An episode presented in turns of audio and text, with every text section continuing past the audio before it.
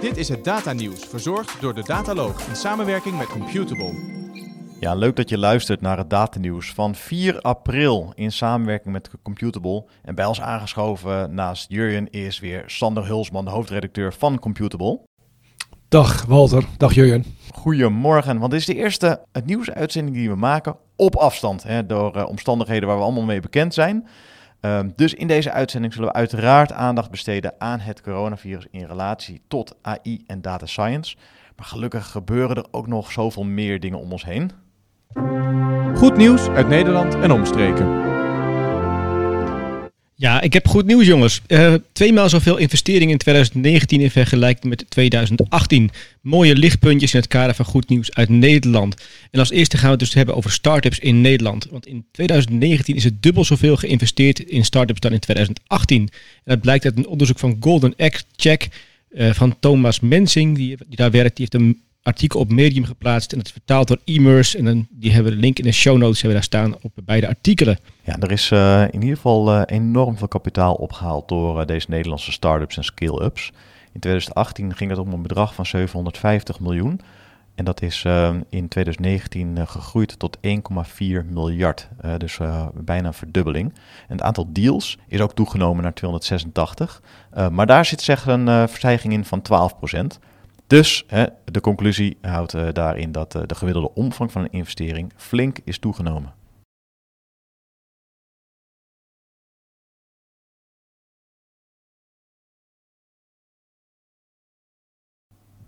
ja.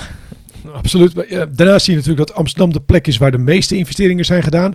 Om precies te zijn waren start-ups in de hoofdstad goed voor ruim een derde van alle investeringen. En voor bijna de helft, dat is maar liefst 700 miljoen euro, van het totaal geïnvesteerde kapitaal. Ja, we zagen in onze uitzending uh, die we eerder maakten met Jurgen Sandig ook dat uh, heel veel uh, start-ups data gebruiken. Maar ik verwacht ook wel hoor dat in de komende periode het aantal datagedreven start-ups enorm gaat toenemen. Een leuk voorbeeld vind ik ook bijvoorbeeld het AI Startup Lab in Amsterdam. En ja, misschien zien we dat binnenkort ook wel in Bunnik en omstreken. Ja, en dan doe ik ook eventjes denken aan, uh, Walter, aan het uh, Dutch Analytics. Dat is een uh, bedrijf dat 2 miljoen opgehaald heeft bij de Global Founders Capital en bij de BAM groep. En zij zitten heel erg in de, in de, maintenance en in de bouw- en onderhoudsindustrie. Ze hebben daar tools voor gemaakt, het Xenia-platform. Um, en daar zie je dus de waarde van, van hun tools is door de BAM. Ze investeren toch bevestigd daarin, zegt Maarten van Rij, directeur van BAM Infra en Rail. Ja, slim um, BAM om dat te doen. Ja, ja, heel handig. Ja, heel slim gedaan. Nou, misschien moeten we überhaupt Dutch Analytics een keer uh, uitnodigen in onze, in onze uitzending uh, om de samenwerking met BAM uh, te bespreken en hoe zij een start-up hebben opge opgezet. Ja, leuk. Hebben we nog weinig aandacht aan gehad in de dataloog, dus wordt hoog tijd. Absoluut. En, maar ook daarbuiten zie je natuurlijk uh, hele mooie uh, typische scale-ups waar in 2019 in geïnvesteerd wordt. Ik, ik noem maar eventjes bijvoorbeeld het vlak van duurzaamheid en impact. Hè, bij bijvoorbeeld de vleesvervangers, uh, Meatable, ja. Protifarm en Bone voor de circulaire economie. Maar ook bijvoorbeeld in elektrische voertuigen en urban mobiliteit. investeringen in Hard, Hyperloop, Scoozy, Dot, Etergo en Snapcar Felix. Oh ja, ja Felix. Felix. Die, die, die, die, ken ik wel, die zien we hier overal rondrijden. Die eerste namen die zijn, uh, het zijn nog geen household names. Hè. Misschien over vijf jaar terugkijken denken, ja, uh, dat lijkt alsof het er al eeuwig is. Hey, ik heb toch een mooi, mooi, mooi, mooi een goed nieuwsje uit Nederland. Nou ja, het is eigenlijk een AI-nieuws in global, maar wel met een Nederlands tintje. MIT heeft een rapport geschreven over de AI-trends in de toekomst. En uh, een leuk Nederlands tintje is dat Jeroen Tas, de innovatiemanager van Philips, hieraan meegewerkt heeft. En dat Philips een silver sponsor is van dit uh, rapport. Nou, nu zie je natuurlijk in dit soort rapporten heel vaak open deuren uh, die mensen al intrappen. Waarvan we, onze luisteraars die waarschijnlijk ook al weten. Maar hier zijn twee dingetjes in die ik wel erg leuk vind. Als eerste in het rapport is de manufacturing sector prominent aanwezig. En uh, als opkomst voor datagedreven uh, sector die, waar dingen binnen een aantal jaren geïmplementeerd gaan worden. Maar liefst 39% geeft aan dat ongeveer 30 tot 50% van de bedrijfsprocessen die iets te maken gaan krijgen met AI. En dat is naar de financiële sector waarvan we natuurlijk allemaal weten dat daar heel veel AI, AI in plaatsvindt, de hoogste document. Ja, Jurgen, ik kijk hier een beetje van op. Want in de vorige uh, uitzending hebben we juist dat rapport van Rabobank uh, behandeld. En daaruit kwam naar voren dat uh, juist die manufacturing-industrie nog zo achterloopt en grote inhaalslag te maken heeft. Maar MIT die kijkt er blijkbaar anders tegenaan.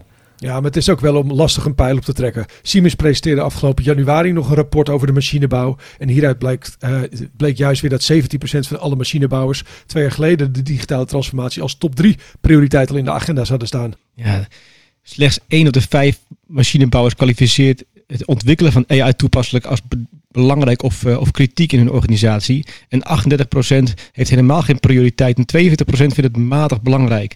Ja, hoe hoger de prioriteit, hoe meer het bedrijf ook daadwerkelijk gaat doen met, uh, met AI. Ja, wat dan ook wel weer opviel als uh, samenhang tussen dat MIT-rapport en het Siemens-rapport, uh, zijn er redenen voor industriële organisaties om te beginnen met data en AI. Die zijn gewoon gelijk. Het belangrijkste daar staan voorop als dus quality control en de voorraadbeheersing en monitoring. Ja, voor de quality control hè, is in industrie en in productiebedrijven gewoon enorm belangrijk. En data en AI kan daar zeker een belangrijke rol in spelen. Ja, overigens, uh, die respondenten die gaven dan weer aan dat in 2019 82% van de gevallen de business case na het eerste jaar al uh, naar verwachting was of, uh, of positief.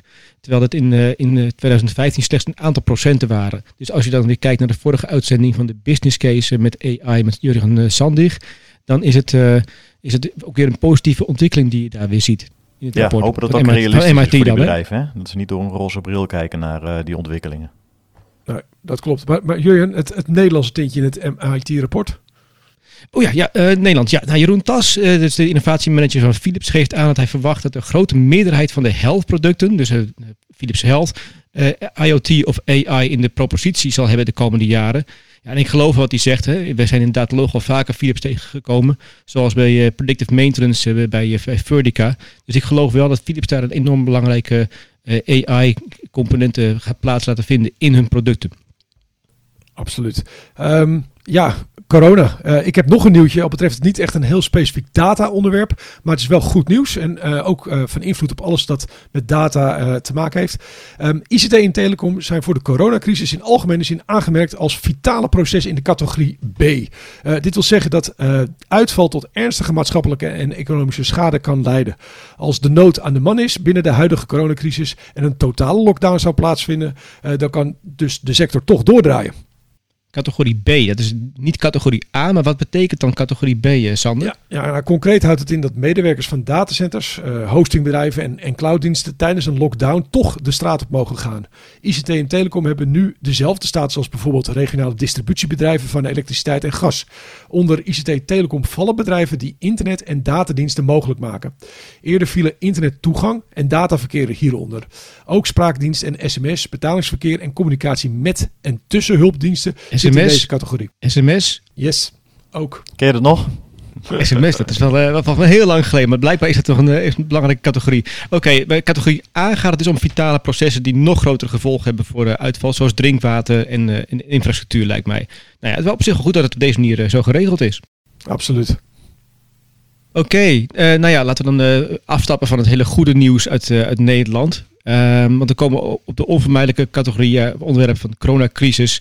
Um, en daar, zitten voor mij twee uitersten in, uh, als je dat mij vraagt, uh, mijn visie op deze crisis. Ten eerste is de, uh, de eerste crisis in een data-intensieve maatschappij, waarin iedereen op basis van de data iets wil zeggen over de maatregelen die genomen worden en de effecten daarvan.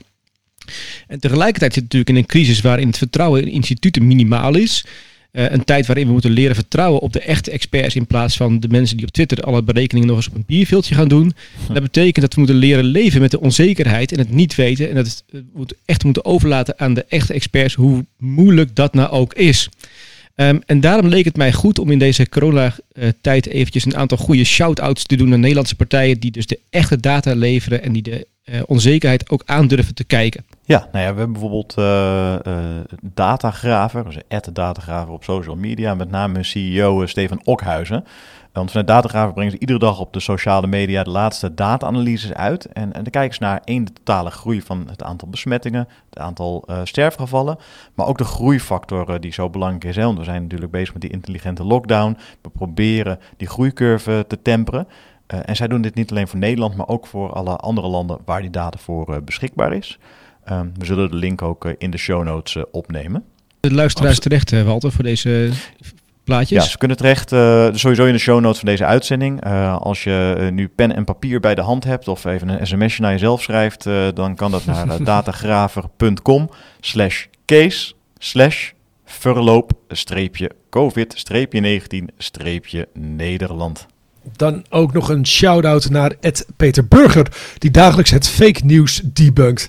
Hij is van onschatbare waarde op social media. En uiteraard ook naar nieuwscheckers, Nieuwscheckers, die nog maar een paar inschrijvingen nodig hebben voor duizend nieuwsbriefvolgers. Nou, schrijf je dus in in ieder geval. Ja, hebben jullie dat sms'je ook gekregen dat, uh, in de WhatsApp dat je in ieder geval een, een, een, een het coronalied, als je dat ging liken op YouTube, dat je dat bijvoorbeeld dat YouTube geld ging betalen aan, uh, aan de Italiaanse overheid voor, voor de zorg? Typisch een dingetje wat, uh, wat Peter Burger dan tegenin is gegaan uh, op, uh, op Twitter in ieder geval. Um, ook nog een shout-out wat ons betreft aan Bert Slachten van apenstaatje lekkercryptisch.nl. Die hebben een heel stuk geschreven over complex systems. En dat is naar mijn hart natuurlijk. En over onzekerheid. En over de power law. De power law is een exponentiële groeicurve. Ja, ik weet dat we bij de Datalog ook een hoop luisteraars hebben die het liefst zelf aan de knoppen gaan zitten en zelf gaan modelleren. Nou, heb je daar interesse in, uh, dan hebben we nogal een interessante GitHub repo ook uh, voor jou. Het is een zogenaamde Epidemic Calculator. Um, en wat die doet, die geeft jou uh, inzicht op een, die gaat een disease model ontwikkelen. Wat ontwikkeld is rondom vier elementen. Susceptible, exposed, infected en removed. En daarmee kan je dus zelf aan de slag om uh, dat verspreidingsmodel uh, te gaan uh, simuleren. en wat het doet, is het laat ook heel mooi de dynamiek van dat systeem zien en hoe maatregelen impact kunnen hebben. ja, dus wie weet hebben we hiermee ook wel een, een oplossing binnen bereik, binnen onze luisterscharen. Absoluut. Een, een andere site die ik nog het vermelden waard vind is de website van Next Train. Uh, Next Strain moet ik zeggen. Hier wordt het COVID-19-virus genetisch geanalyseerd en wordt de verspreiding ervan bijgehouden. Uh, meer informatie op hun website nextstrain.org. Ja, en uh, uit de data van deze site bleek bijvoorbeeld ook dat de eerste coronapatiënt in de VS, ja, die kwam niet uit Europa, maar die kwam uit Azië. Uh, en uh, dat kan je zien omdat er een andere genetische vorm uh, in de VS als eerste gediagnosticeerd is dan de vorm die in de EU aanwezig is. dus Donald Trump, als je meeluistert, ja, klein missetje. Kan gebeuren. Zien we wel vaker bij hem. We hebben toch nog een beetje goed nieuws uit Nederland in het kader van de coronacrisis van Pippel. Ze hebben een algoritme gemaakt voor het plannen van de uh, ziekenhuiscapaciteit in het uh, Jeroen Bos ziekenhuis. En we spraken even kort met uh, Jeroen de Haas van, van Pippel. En ik zal nu het audiofragment even starten. Wij kregen op een gegeven moment een belletje, dat was twee weken geleden op maandag, van het Jeroen Bos ziekenhuis. Belde ons van, hey, um, wij zitten echt wel met een probleem. Want wij hebben binnen het Jeroen Bos ziekenhuis, wordt er nu een corona ziekenhuis opgezet. Met, met vijf verschillende afdelingen. En die moeten bemenst worden uh, vanuit het reguliere ziekenhuis. Dus uh, zij wilden weten, wat moeten we nou, hè, wat kunnen we nou verwachten voor de komende weken? Wat we aan instroom uh, verwachten op de spoedeisende hulp? Wat is de doorstroom naar de verschillende andere afdelingen? Hè? Bijvoorbeeld, je hebt een afdeling waar, waar verdenking corona zit, of je hebt een IC. Um, ja, wat verwachten we daar nou aan doorstroom? En wat hebben we daar aan capaciteit nodig? En hoe kunnen we dat wetende hoe kunnen we dan mensen vanuit het reguliere ziekenhuis omscholen, zodat ze ook inzetbaar zijn op die afdelingen? En hoe gaan we dat zo slim mogelijk plannen, dat we uh, geen onderbezetting uh, gaan krijgen? Dus dat was eigenlijk de vraag waarin ze op maandag belden en uh, vroegen, kunnen jullie morgen komen? Dus zei, ja is goed, dat doen we. dus wij zijn daar ook die dinsdag al naar het Jeroen Bos gegaan. Dat was op zich best wel bijzonder, omdat ja, je, je komt daar bijna ja, een soort van afgeschermd gebied, hè, zo'n ziekenhuis. Maar ja, wij konden dan toch, heel veel mensen van het ziekenhuis werken ook gewoon, uh, vooral staf werken gewoon thuis. Maar ja, wij moesten toch met hun samen, omdat een wiskundig model is altijd een vereenvoudiging aan de werkelijkheid. Dus je moet heel goed snappen hoe dat dan allemaal, hoe het allemaal werkt daar. En dat hebben we ook gedaan met mensen van het Jeroen Bos ziekenhuis en ook met de, de, de, Federatie Medisch Specialisten. Een soort koepelorganisatie voor alle medisch specialisten in Nederland. Dus daar hebben we een planningstoel ontwikkeld, eigenlijk binnen een week dat ze, ja, dat ze nu ook gebruiken en wat ook uh, op zich vrij beschikbaar is voor, voor alle, andere ziekenhuizen. Maar je zegt binnen een week, Jeroen.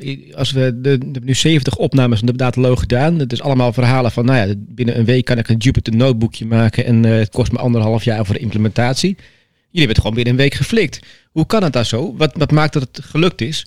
Omdat het niet anders kan. Dat, dat is eigenlijk waarom het gelukt is. Want um, wij hebben ook gezegd, wij komen, uh, we, A, we, we, we, sturen geen rekeningen. Dus wij komen gewoon uh, en we, we komen dit gratis doen. Dus we gaan, we, gaan niet, niet allemaal kostbare tijd verspillen aan, aan, aan voorwaarden.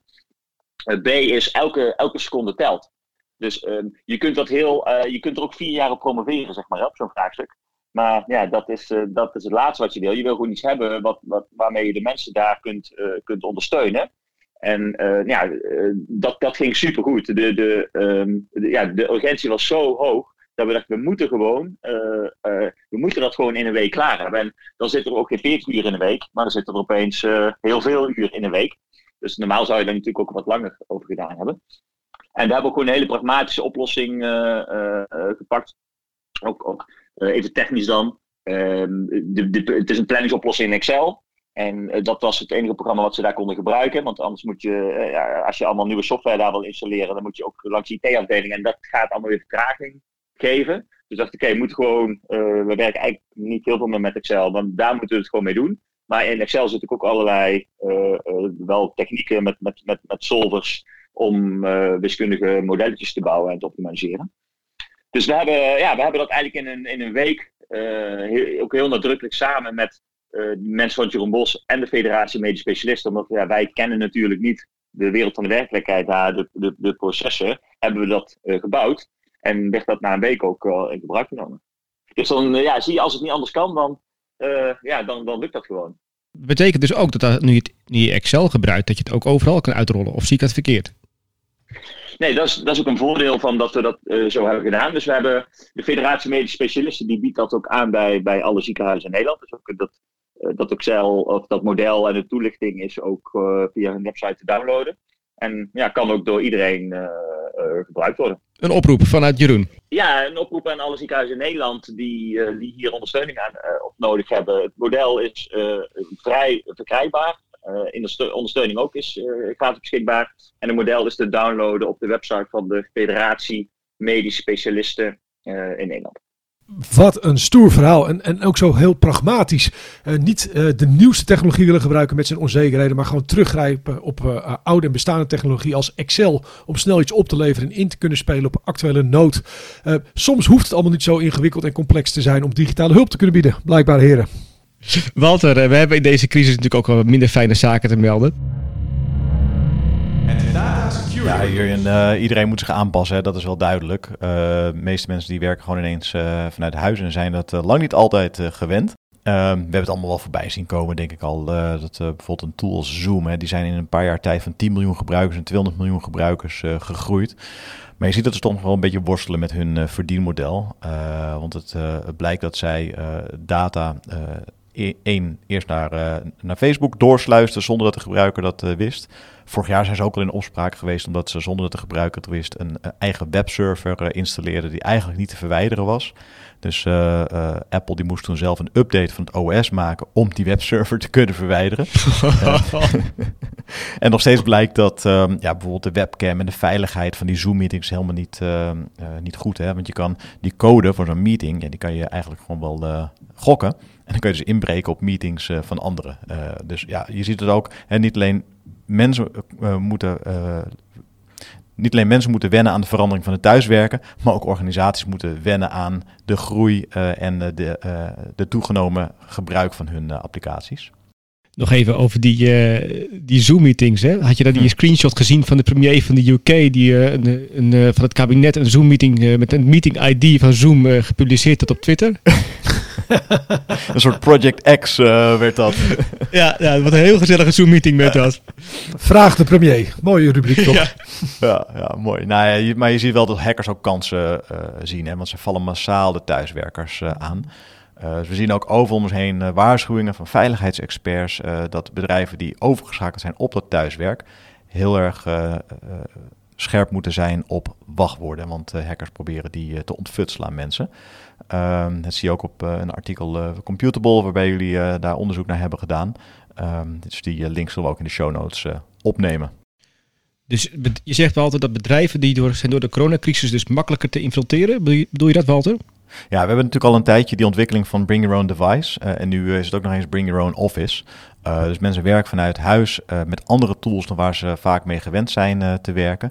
En ja, dan komt hij weer. vooral de productiesector, maar ook de gezondheidszorg en de farmaceutische industrie die zijn juist het mikpunten. Ja, omdat ze gewoon simpelweg minder ervaring hebben met dat werken op afstand. Uh, dus wordt heel veel phishing wordt verspreid. Nou, denk aan malafide bijlagen, schadelijke links, valse webpagina's. Je kent het allemaal wel. Uh, maar ook business e-mails uh, worden gefaked.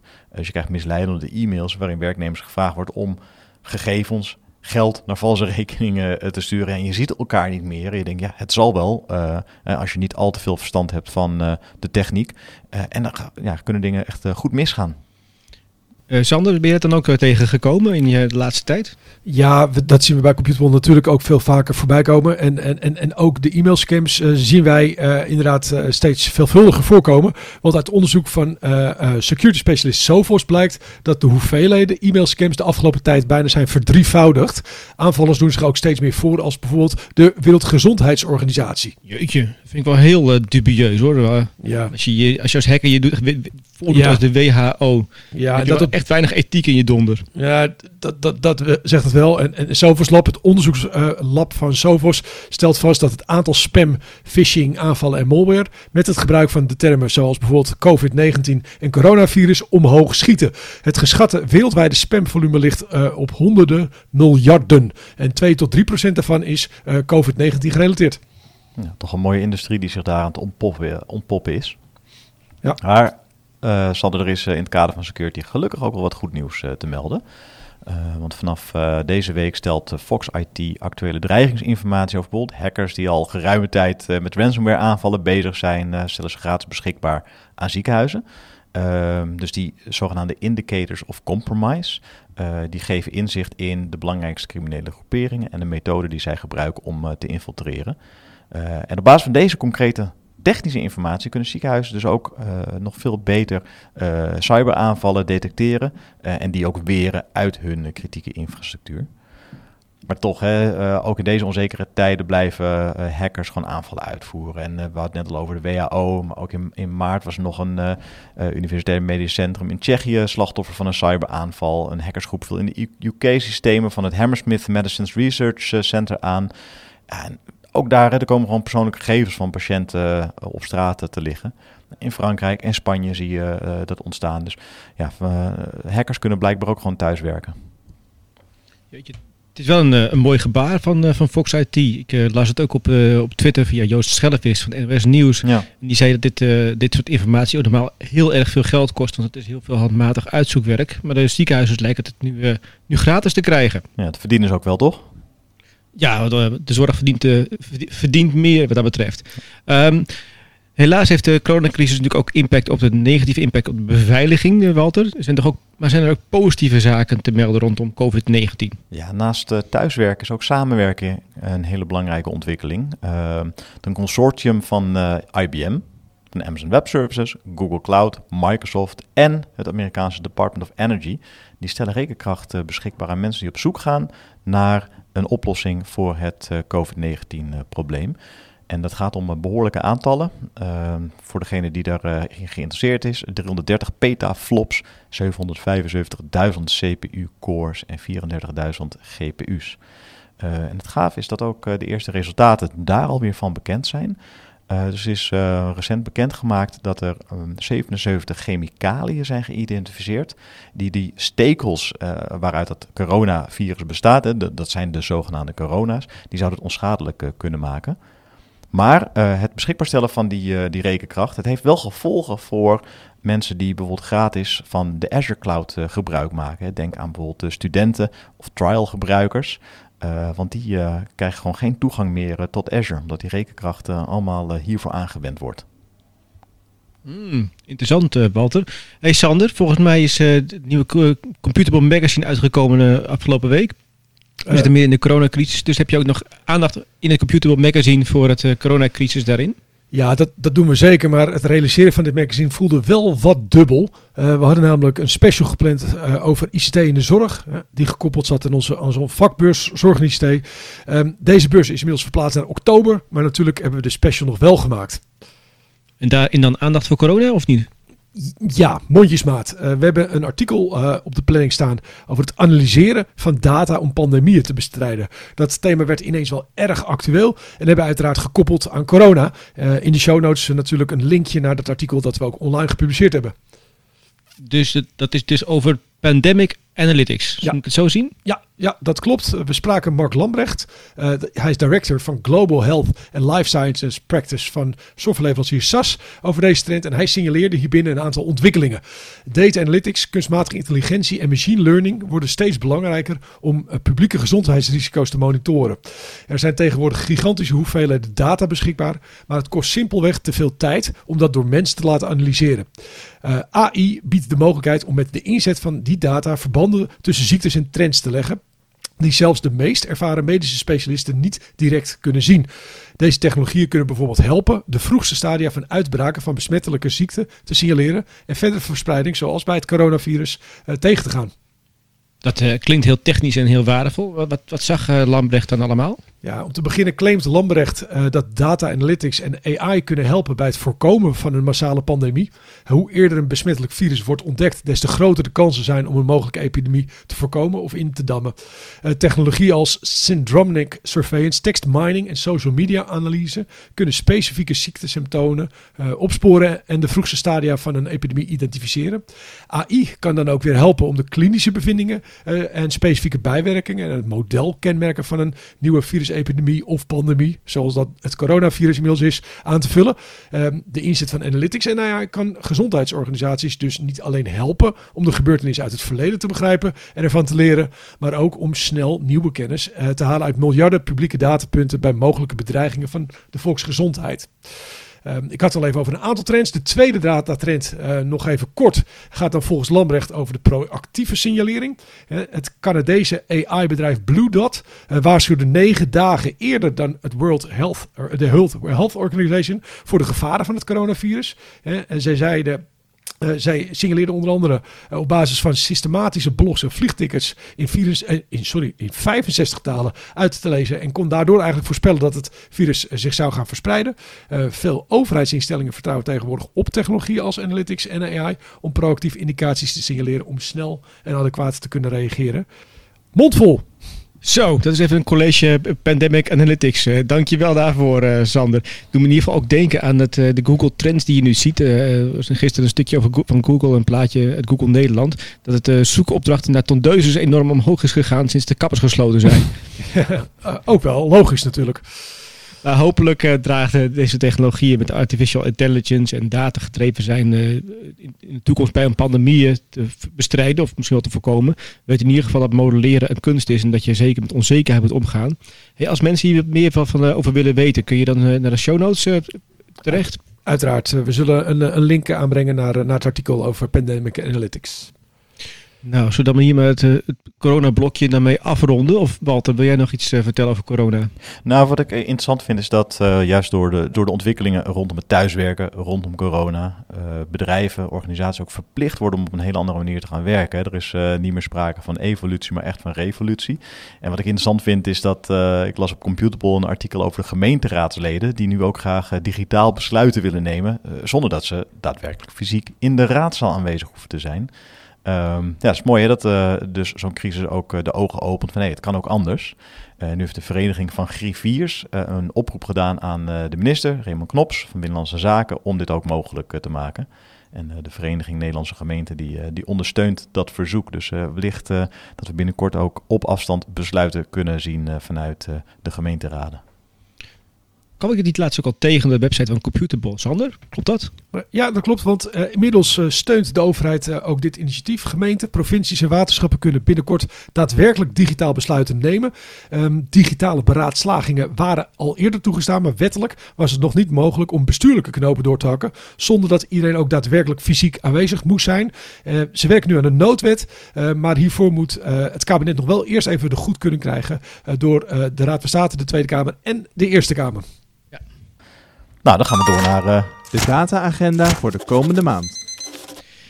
Ja, ja Is er nog wat te beleven? Is er nog wat te beleven, vraag je je af. Doen het eens een keer een beetje anders. Uh, aan de ene kant willen we aandacht besteden aan online events die wel doorgaan. Dat is, die zijn er gelukkig nog wel. En aan de andere kant een aantal initiatieven die bijdragen aan de coronacrisis waar we nu in zitten.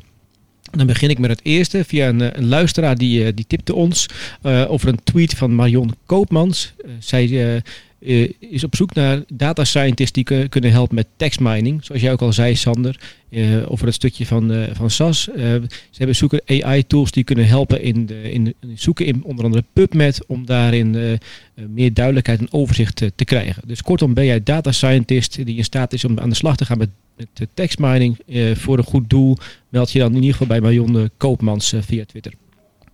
Ja, en, uh, we hebben vast en zeker ook wel de verschillende hackathons voorbij zien komen om uh, corona aan te, pakken. Um, er is een uh, heel interessant hackathon ook georganiseerd met een nadruk op ethiek en het verantwoord omgaan met de gegevens van gebruikers. Um, geïnitieerd door XLab en hun directeur Jongin Yo. Die legt uit, het was op Computer Weekly, dat ja, zij vanuit die COVID-19-pandemie waar we in zitten in real-time willen laten zien waarom de sa samenleving een schaalbare en ethische technologie-infrastructuur moet hebben. Dus wat ze willen doen is met die hackathon mensen samen te brengen om uh, ja, dit uh, complexe en uh, probleem dat zich razendsnel verandert, het hoofd te, kunnen bieden. En het is een hackathon die je gewoon vanuit huis aan kan deelnemen. ga daarvoor naar hackfromhome.com. Um, zoals jullie misschien weten, Computable uh, is onderdeel van Jabers, het grote evenementencomplex natuurlijk in Utrecht. Uh, daar worden natuurlijk grootschalige evenementen georganiseerd. Zo had KPN daar ook al, net als vorig jaar, zijn Digital Dutch gepland staan op 23 april. Um, hè, het zou dus eerst fysiek plaatsvinden, maar ook dat kan natuurlijk vanwege de coronamaatregelen niet doorgaan. en daarom heeft KPN eigenlijk besloten om de Digital Dutch Goes Digital te gaan organiseren. Hoe kan het ook anders? op 23 april wordt er een online uitzending van een uur uh, gemaakt. Uh, met inspiratie en inzichten die organisaties en bedrijven zouden moeten kunnen verder helpen. Het zal dan vooral gaan over digitale communicatie en online samenwerking. Hoe zetten we met elkaar vitale infrastructuren in Nederland in? En hoe houden we ze draaiend? En hoe waken wij over onze digitale veiligheid? Donderdag 23 april van 2 tot 3 vindt daarom speciaal in een ingerichte hal in Jabers deze uitzending plaats. Zonder publiek uiteraard. Mocht iemand aan deze online uitzending willen meedoen, registratie kan via de KPN-website. Hey Walter, ik hoorde jou vanmorgen ook over digitale uitzenden van onder andere Breakfast en zo. Merk je nou dat er meer of minder mensen deelnemen aan dit online events? Nee, ik zie een uh, enorme toename daarin. Uh, dat uh, ja, vooral online events, ja, daar is heel veel interesse in. niet alleen wat aanmeldingen betreft, maar ook wat deelnamepercentage. Je ziet vaak bij events dat, vooral gratis events, dat mensen zich massaal aanmelden, maar dat er dan maar een fractie opkomt te dagen. Ja, dat is gewoon doodzonde voor organisatie, maar ook voor catering bijvoorbeeld waarop ingekocht wordt. Bij online events zien we dat op dit moment 75 tot 80 procent van de mensen die zich aanmelden ook daadwerkelijk opkomt dagen. Heb jij nog een online event? Nou ja, ik vind het uh, interessant om te zien dat uh, bijvoorbeeld Amsterdam Data Science een heel uh, leuk webinar heeft georganiseerd staan over fairness. Um, dus zij gaan in op potentieel schadelijke resultaten waar je mee wordt geconfronteerd bij het gebruik van AI-gestuurde applicaties. waarbij je beslissingen neemt met een, een hoge inzet.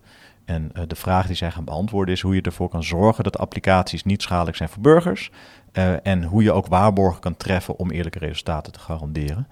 Uh, en een van de sprekers uh, is ook vanuit de gemeente Amsterdam, Jeroen Silvis. hij is lead data scientist. En ja, hij loopt daarin binnen de gemeente voorop in, in dit soort uitdagingen. Um, en na het gesprek van Jeroen gaan ze ook vragen beantwoorden via een, een tool, een online tool. zodat je ook als deelnemer gewoon vragen kan posten en dat het lekker interactief wordt. Ik had uh, vandaag op Twitter toevallig een berichtje gezien. Ik weet niet of jullie het ook gezien hebben. Ik zat ook eventjes kijken of ik het in de show notes kan krijgen. Twee plaatjes. Een, uh, iemand die temperatuur opneemt uh, voor in Azië. Dus dan zie je een, met de Google Vision iemand die een temperatuur opneemt van iemand in Azië. Dat wordt gezegd als hey, temperatuur en technologie. En van hetzelfde geval zie je een, in Afrika iemand, een donkere persoon die op wie de temperatuur opgenomen wordt. Dan wordt het als handgun wordt het, uh, uh, neergezet. En dit, uh, dit is natuurlijk heel belangrijk om die fairness goed te analyseren inderdaad. Dus even actueel ook tijdens corona. Um, Remote Pizza en Data kunt bieden via Vincent Warmerdam. Een microconferentie georganiseerd door de Python Community. Een speciale editie, want alle opbrengsten gaan naar Artsen zonder Grenzen. En je kunt je aanmelden via Christian Barra, apenstaatje Christian Barra of uh, Remote Pizza en Data.com. Dat was hem volgens mij weer, hè? Volgens mij ook. Wat een hoop informatie weer uh, te delen. Dankjewel dat jullie uh, aanwezig waren in deze nieuwe, nieuwe vorm van de, de data nieuws. En tot de volgende keer. Bedankt voor het luisteren. Bedankt voor het luisteren naar deze uitzending van de Dataloog podcast. Wil je automatisch wekelijkse podcast ontvangen? Klik dan op subscribe in jouw favoriete podcastprogramma. Vond je onze podcast leuk, goed, interessant of wellicht te veel ene en nullen? Laat een review achter of geef thumbs up. Heb je vragen of opmerkingen? Kijk dan ook eens op www.dedataloog.nl. Hier staan ook de show notes van alle uitzendingen. Alles wat we maken doen we onder Creative Commons. Je mag alles hergebruiken voor niet-commerciële doeleinden, zolang je ons als bron maar noemt. Volg ons op Twitter op @dedataloog. Graag tot de volgende keer en voor nu, tot data!